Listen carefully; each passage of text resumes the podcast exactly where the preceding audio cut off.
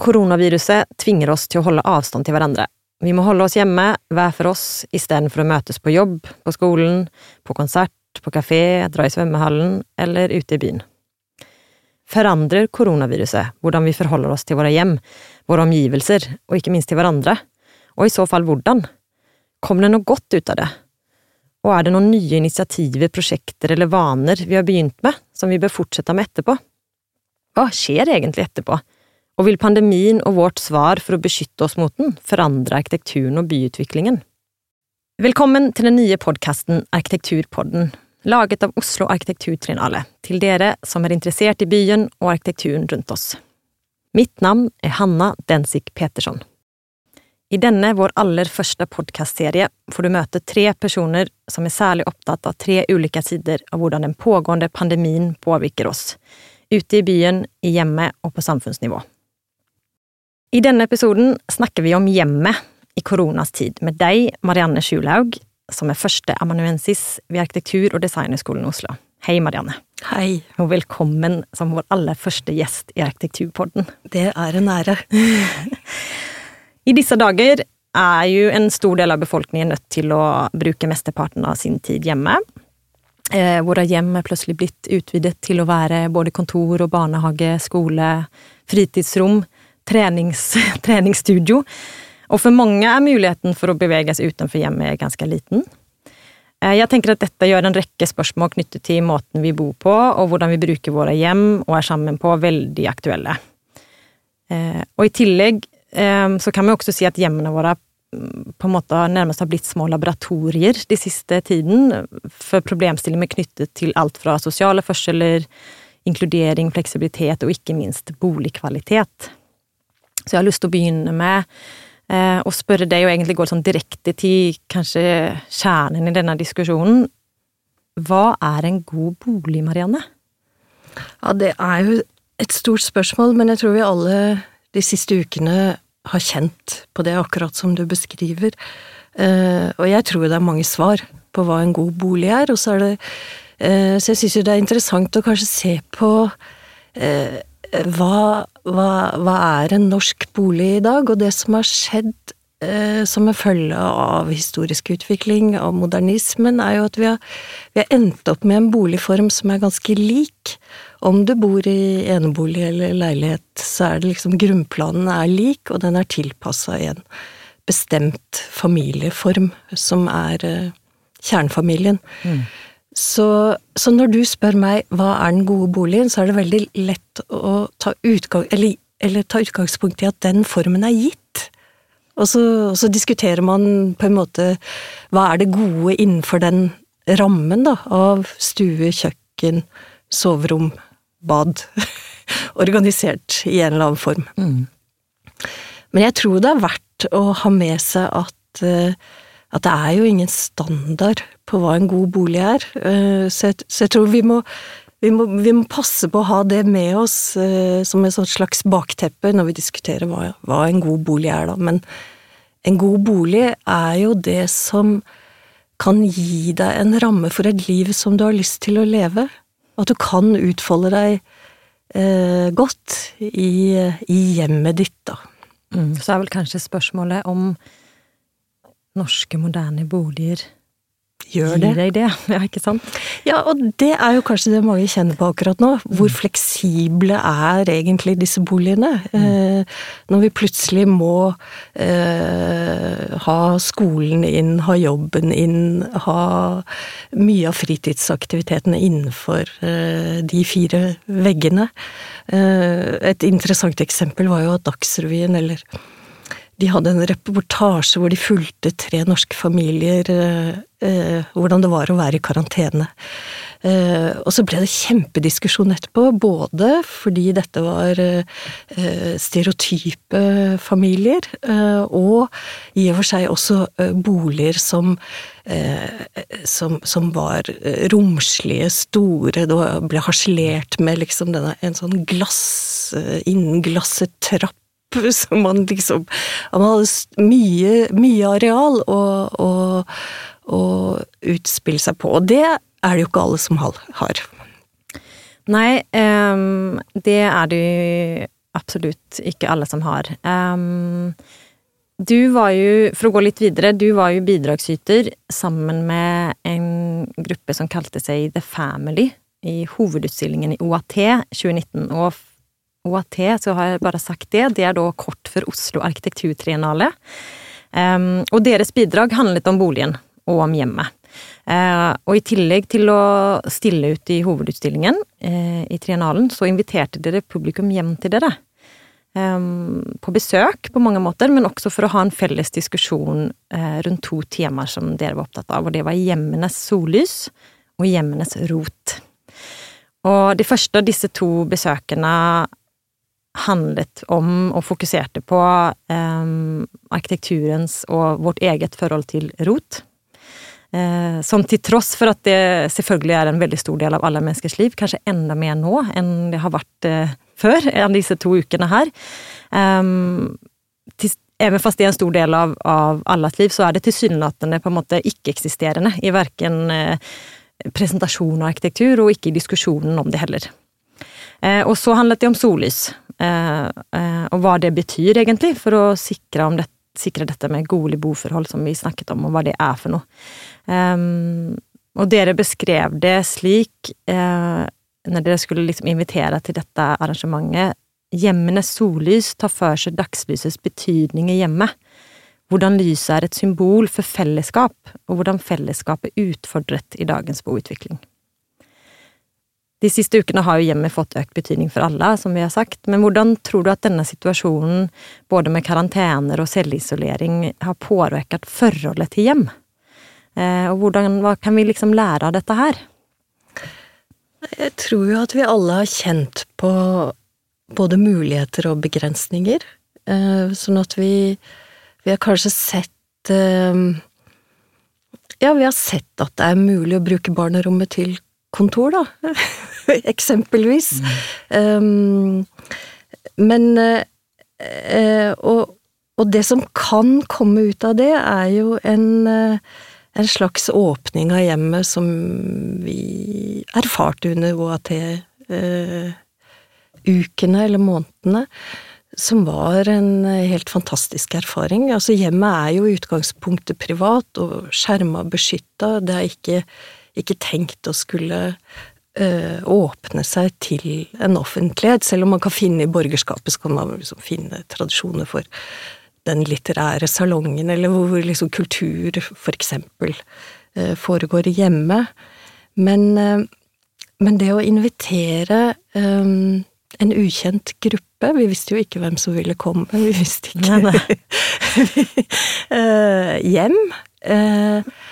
Var en eh, Det var, det var, eh, det, var det føltes grenseoverskridende, men samtidig så var det også ekstremt befriende å plutselig erfare at hjemmet kan åpne seg, og hjemmet kan brukes eh, på andre måter enn det vi forbinder med det hjemmekjære, da, eller familielivet, eller kollektiv, bokollektivet, eller um, Så jeg tror at det vi, det vi ser nå, er en eh, er en sånn eh, Altså, vi ser jo på intervjuer eh, i media, altså i Rikskringkastingen, at folk sitter hjemme på soverommene sine, eller hvor de nå sitter, de som ikke har lært seg å bløre bakgrunnen. Så plutselig er vi er vi hjemme hos. Uh, og det er, noe, det er, noe, rørende med det, og det, noe, og det, viser, det, det, knytter oss sammen på en annen måte. Uh, som, som, kan åpne for en ny tenkning rundt hva hjemmet, hva er. Videre. Ja, at det ja, på en måte knytte seg tettere til fellesskapet på mange måter. Da. At ikke det er ja. det intime mer, men noe man faktisk deler. Ja. Mm. Jeg tenker at det er interessant da i forhold til, hvis man skal snakke om den faglige diskusjonen, om en bolig, da. Bolig blir jo gjerne snakket om som et produkt, mm. på en måte. Mm. Men i denne tiden så har det produktet fått et litt nytt ansikt, da, på en måte. Mm. Der, der eh, ja, det blir noe vi alle mennesker deler. Altså, et, boligene våre blir eh, blir felleseie i større grad enn en enkeltpersonens egne sfære, da. Ja, du kan jo si at det er jo myndighetene som på en måte ber oss om å ta i bruk boligen for et felles formål, da. som er smittevern. Så, så, så den siden er jo, syns jeg er fascinerende, og jeg, jeg tror den kan den kan, hvis den får lov, utvikle seg videre til noe interessant. Eh, så er det selvfølgelig problematiske og klaustrofobiske eh, opplevelser som vi alle har, som også kan da Man kan se for seg at påvirker hvordan disse boligene utformes videre, med tanke på en form for fleksibilitet, ikke sant. Mm. At et barnerom er ikke bare et barnerom. Det må være noe mer. Ja, jeg tenker fleksibilitet, men jeg tenker også at det blir altså um, like rett eller tilgang uh, på en bolig som, som gir deg både den fleksibiliteten potensielt, men også um, muligheten til å ikke nødvendigvis oppleve klaustrofobi da, innenfor din mm. egen bolig, når du blir tvunget til å, mm. til å bo lite. For det er jo Det bringer oss liksom over i en annen diskusjon, egentlig, om det med, ja, med sosial boligutvikling, egentlig, og på en måte hvilke modeller vi bygger boliger etter. Um, og ja, I Norge så er jo boligsektoren mer eller mindre 100% markedsdrevet, og ehm, det har blitt til, boligen har blitt til en av de absolutt viktigste investeringsobjektene. Både for enkeltpersoner, eh, men også for investorer. Eh, og det har vel mm, på mange måter kanskje vært en vellykket politikk, kan man si, for at det har gitt veldig mange mennesker kontroll over deres eget boligsituasjon, men så er det også skapt store kløfter der en stor andel av befolkningen ikke har den um, kontrollen over, over, deres egen um, um, boligsituasjon. Så tror du også, om man tenker på at det økte fokuset på, på, hjem og på vår egen bolig, kan dette påvirke måten vi liksom planlegger og bygger boliger framover? Det Kan dette liksom åpne opp for andre mm. modeller å tenke boligbygging på, da? Mm. Ja, jeg, jeg, tror, jeg tror at, eh, at, at, hvordan vi ser på rommelighet og programmering kan komme til å endre seg. Mm. Som jeg sa i stad. Altså at eh, og et kjøkken er ikke bare et kjøkken, og et barnerom er ikke bare et barnerom, mm. men at vi må, vi må, på en måte tenke, tenke, flerbruk, og egentlig tenke ganske urbant også, i, mm. i, eh, i boligen, og hvordan den løses. Men, men, når vi snakker om dette, så syns jeg det er viktig å ha med et nordisk perspektiv. Um, vi må huske at vi, vi, har en kultur og en hjemlighet som er Hvor vi i denne situasjonen framstår som ekstremt privilegerte, uansett. Mm. Uh, uh, så så vi har Og det er jo på den andre siden også Eh, det som snakker om vår, vår urbanitet, da, og vår evne til fellesskap. Og det er jo det som også er under press nå, mm. i pandemien.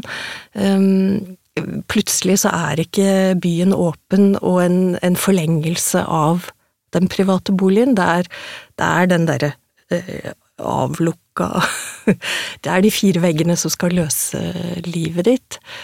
Så, så, det vi holder på med nå, er jo en slags Det er jo en form for sånn romstasjon, eller sånn utpostliv, i, i celler, enklaver, som, som ikke Og hvor fellesskapet lider. Og det tror jeg vi skal passe veldig på, at vi, at vi nå ikke mister mister den troen på byen som fellesskap og, og noe vi trenger. Eh, så vi må Eh, det er mange dilemmaer her, og vi må liksom balansere flere, flere perspektiver. Mm. Um, og så er det, er det jo det du er inne på med, med, med boligen som en vare, og, mm. og altså hele den Altså boligmarkedet. Uh, og jeg syns jo, jo det er et tankekors. Altså, landet utsettes for en pandemi og er under press. Og, og noen av overskriftene er nå, nå kollapser boligmarkedet. Og så, så, tenker jeg, er, det, er, det, ikke på tide da at vi spoler litt tilbake og tenker, er, er vi nødt til det? Finnes det ikke andre modeller? Sånn at i en, i en pandemisk, eh, under en pandemisk trussel eller en annen type krise, så er i hvert fall ikke boligen utsatt fordi den er en del av en eh, finanstenkning og system. Eh, så det, det tror jeg er liksom et av de grunnleggende spørsmålene som kommer ut av, eh, av denne krisen. Vi vet jo ikke hvor lenge det varer, og vi vet jo ikke om boligmarkedet kollapser eller ikke. Men det er noe med at vi ikke må ha for mange eh, systemer som ikke tåler krise. Nei, jeg tenker også at det synliggjør veldig godt akkurat det med disse sosiale forskjellene, på en måte, i, mm. i forhold til mm. hvordan det er for ja, store familier med mange barn i små leiligheter eh, i tette, kompakte bystrøk. Eh, hvordan det er for de i denne situasjonen versus eh, noen av de som du kanskje henviser til i denne eh, Var det Dagsrevyen? Med, med en privilegerte gruppe av befolkningen som, mm. som, har hjemmekontor og barnehage, og det mm. går egentlig ganske greit med de, på en måte. Mm. Men for den tolvåringen som skal gjøre lekser og har tre småsøsken som løper rundt og ikke har et bibliotek han kan gå og sette seg på i nærmiljøet. Mm. Hvordan er det, altså, så jeg tenker at mm. Det løfter frem noen sånne ganske alvorlige og viktige diskusjoner om Bokkvalitet. Ja, ja. ja, og bokkvalitet, og også dette med på en måte hvem som har tilgang på bokkvalitet. Ja, ja. Ikke sant? Helt mm. klart. Mm. Helt klart. Um, også en annen ting som jeg har lyst til å, å, spinne litt videre på, det er det du sier med at boligen som forleng, altså byen eh, som forlengelse av boligen på mange måter, og da er det jo eh, liksom interessant, og jeg kan nesten ikke la være å på en måte gå inn på dette med hytta ja. som forlengelse av boligen òg, på en måte. Eh, og jeg vet at du er, er litt opptatt av det, eh, og eh, det har vært liksom interessant å høre noen betraktninger fra deg om det i denne situasjonen òg. Ja, det er jo den andre Altså, jeg tenker at det her med eh, boligmarkedet som en eh, trussel, at det skal kollapse. Men det andre interessante fenomenet som har dukket opp i koronakrisen, er jo hytte, hyttefolket og hyttedebatten. og, som, og som har vist at hyttene er eh, de er ikke en sekundærbolig, men, men for en gruppe så er de faktisk en utvidelse. De er likeverdige med førstehjemmet, da, eller primærboligen, som vi kaller det. Og da, og da kommer vi òg tilbake til, til, noen sosiale aspekter. For hvis det er sånn at Eh, hyttene, som hyttefolket da sier, er smittefrie. Det er, det er trygge soner. Det er en fordel at vi drar dit, ut av den, ut av den skumle byen. Så, eh, altså hvis vi mente, hvis vi ser bort fra dette med trykk på infrastruktur, men hvis vi mente at det var Det er et gode, det er noe vi Det det, det er en en del av det gode liv, så mener jeg at vi er nødt til å diskutere det i et eh, fullt perspektiv. Og vi må diskutere hvem det er som har tilgang til det gode. Eh, er det igjen de ressurssterke?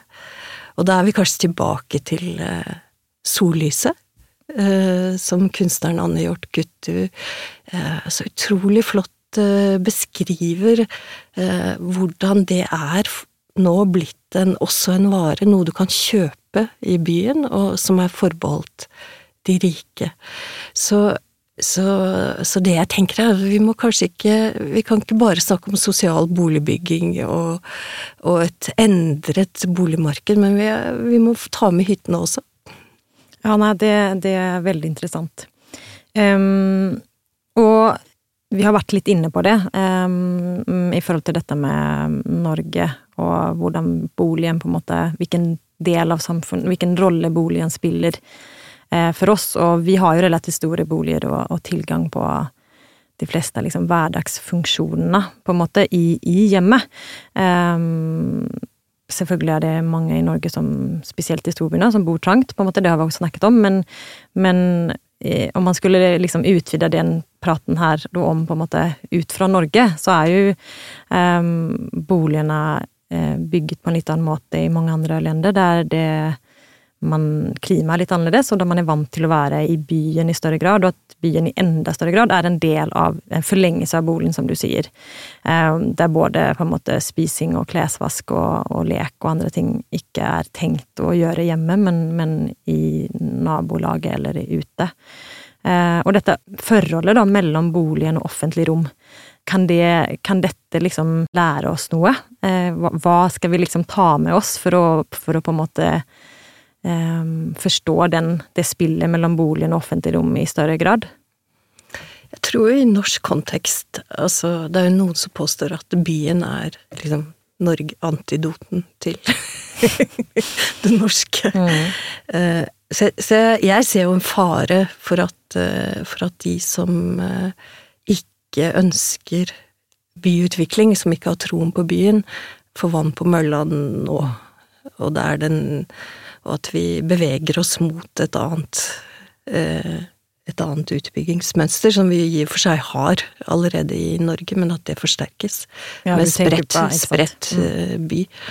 Um, så, jeg, så, jeg, er jo veldig opptatt av at vi, vi må ikke glemme at dette er en ekstrem situasjon som kommer til å gå over. Uh, men det er klart at uh, helse- og hygienespørsmål har jo vært med på å endre byene våre før. Uh, hele modernismen er jo et et svar på, på helse- og hygienespørsmål. Så, så, det kan jo skje igjen, men det spørs liksom hvor stort og hvor radikalt. Men, eh, men, men eh, i norsk kontekst så tenker jeg at vi har enda så mye igjen å lære av hva byen kan gi oss av goder, så vi må ikke gi opp nå. Ja. Det høres veldig bra ut. Et siste spørsmål til deg. Eh, hva er det du gleder deg mest til å gjøre når denne situasjonen vi er i, er over? For som du sa, vi må huske på at dette er en, noe vi er inne i som vi òg skal ut av. Jeg tror jeg, jeg gleder meg veldig til å kunne gå ut i byen og, og bare Bare kunne ta inn Bare kunne ta inn luft. Mennesker. Uh, uten å Uten å ha den litt uh, skumle følelsen av det usynlige som kanskje finnes der. Så jeg, jeg, gleder meg til å være i et fellesskap. Tusen, tusen takk, Marianne. Eh, det var fantastisk at du ville være med oss her i Arkitekturpodden. Arkitekturpodden er laget av Oslo Arkitekturtrinale som en del av Trinalens 20-årsjubileum i 2020. Samtaler om byen i koronans tid er en serie i tre episoder om hvordan den pågående pandemien påvirker oss og vårt forhold til byen og arkitekturen rundt oss. I de andre to avsnittene snakker vi om byen og offentlig rom med leder for by- og stedsutvikling Vidoga, Siri Holmbo Høybo, og om korona og arkitekturen i det store samfunnsperspektivet med statsviter og forsker Erling Dockholm. Vi høres i neste episode.